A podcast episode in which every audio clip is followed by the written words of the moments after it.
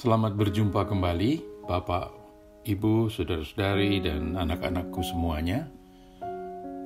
Saya Kadarmanto. Pada saat ini, kita akan mengikuti doa bersama. Mari kita mempersiapkan diri bersama alunan pujian berikut.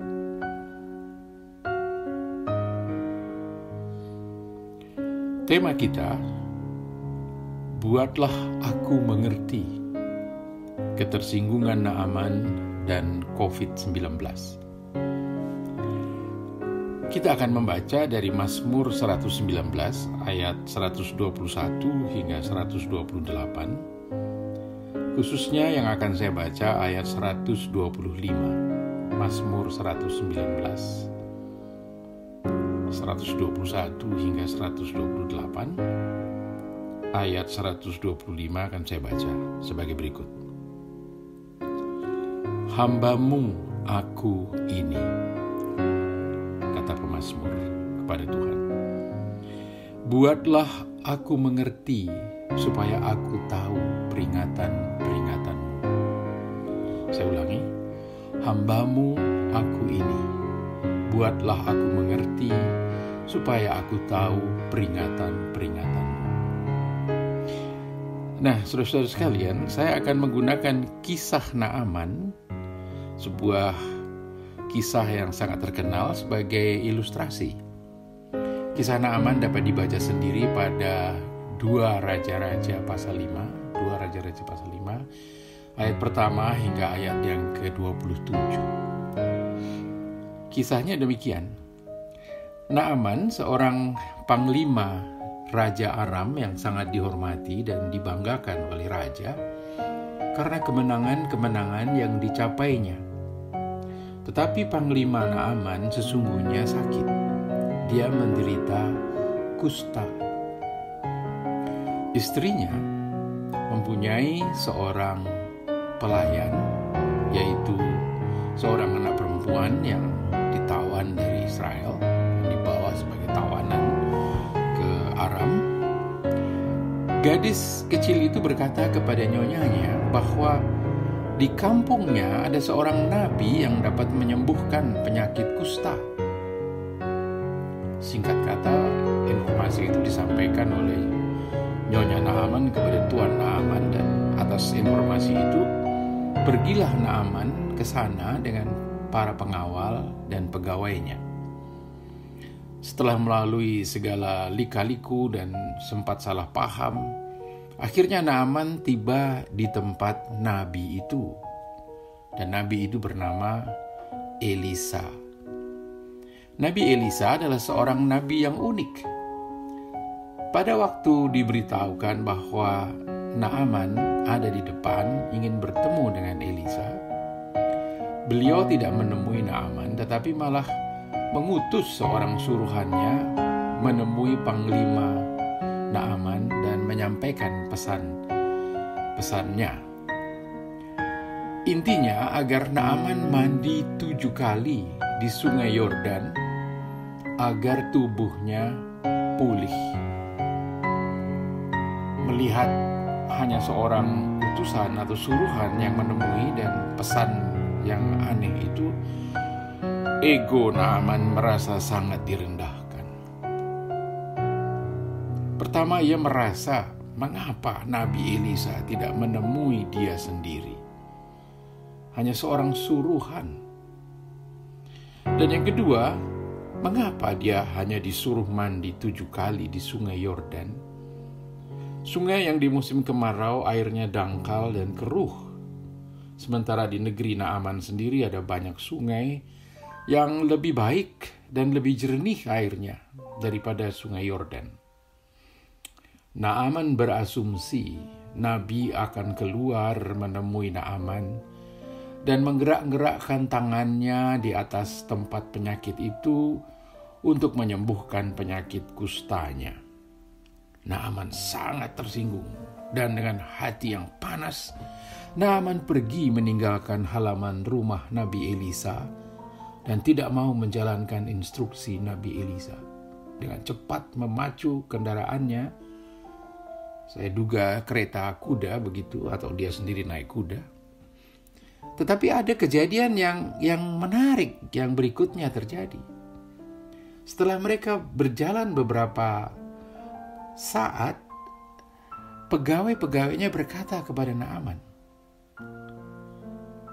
Bapak, andai kata Nabi menyuruh Bapak melakukan perkara yang sukar, apakah Bapak akan melakukannya?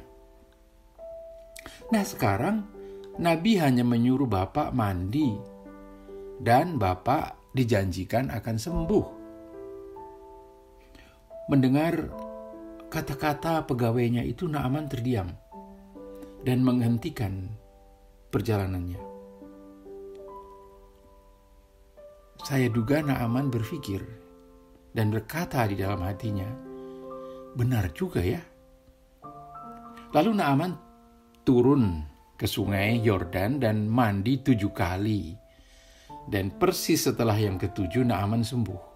Naaman pulih, tahir. Tubuhnya pulih dikatakan dalam cerita itu seperti tubuh seorang anak.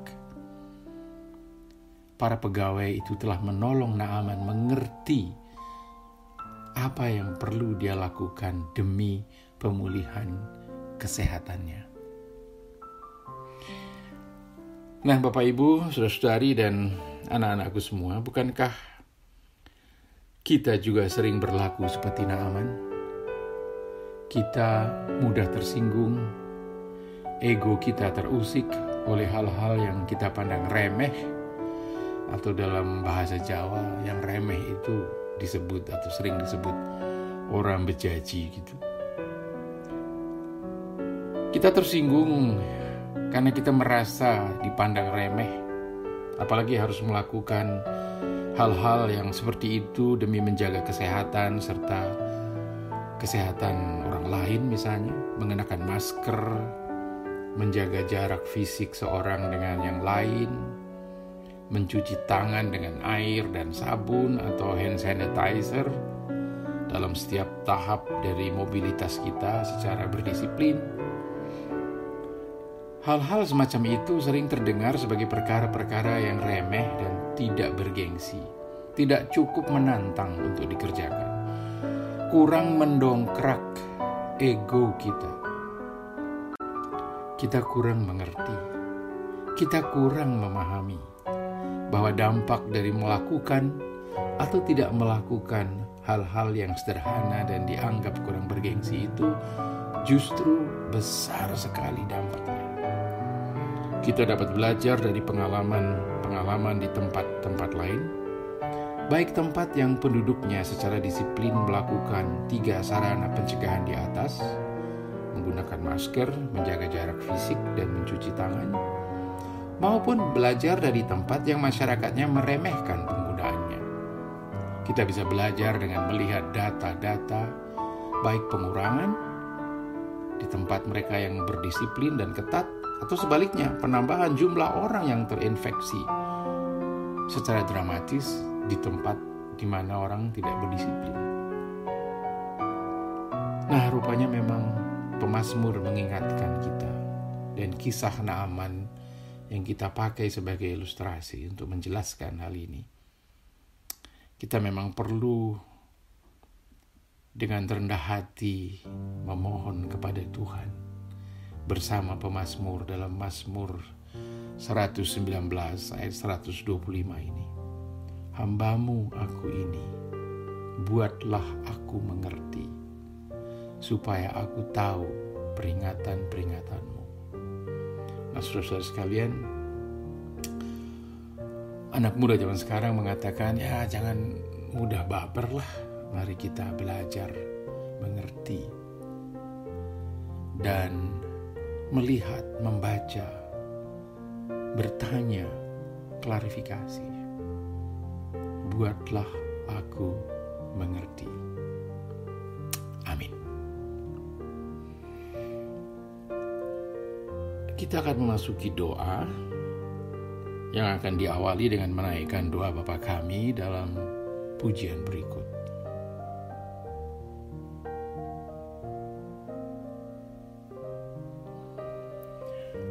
Ya Allah, Bapa, Putra, dan Roh Kudus, ajarilah kami untuk bisa mempergunakan waktu pemberianmu secara bijak.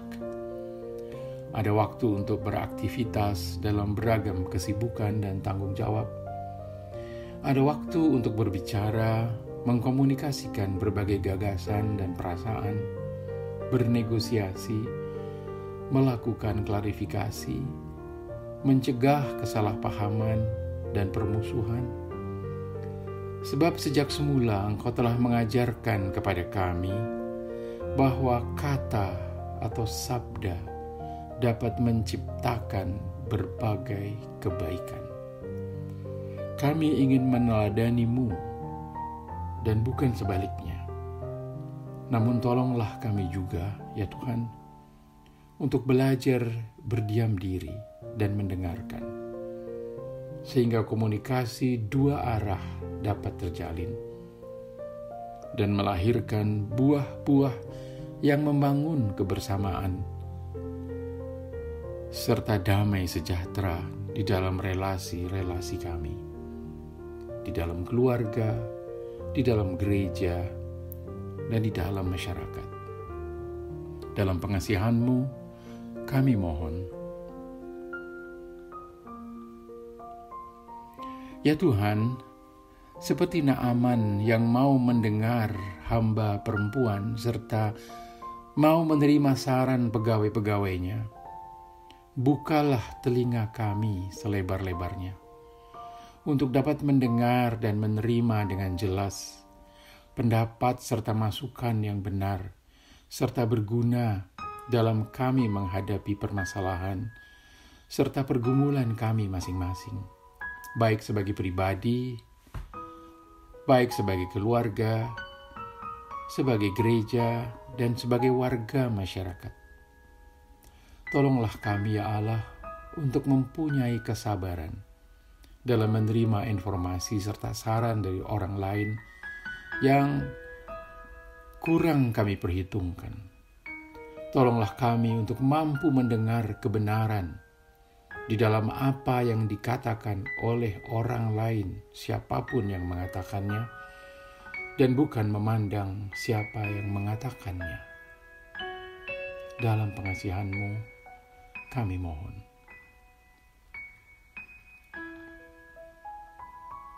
Ya Allah, buatlah aku mengerti. Kami sering marah dan tersinggung karena kami tidak mengerti apa yang sedang terjadi atau apa yang kami dengar tidak kami pahami. Bahkan apa yang kami lihat, kami tidak melihatnya dengan jernih. Kami terlalu kuat di dalam memegang asumsi kami, dan kami enggan bertanya, enggan melakukan klarifikasi, enggan mencari pencerahan untuk mengoreksi asumsi kami, untuk merevisi asumsi kami.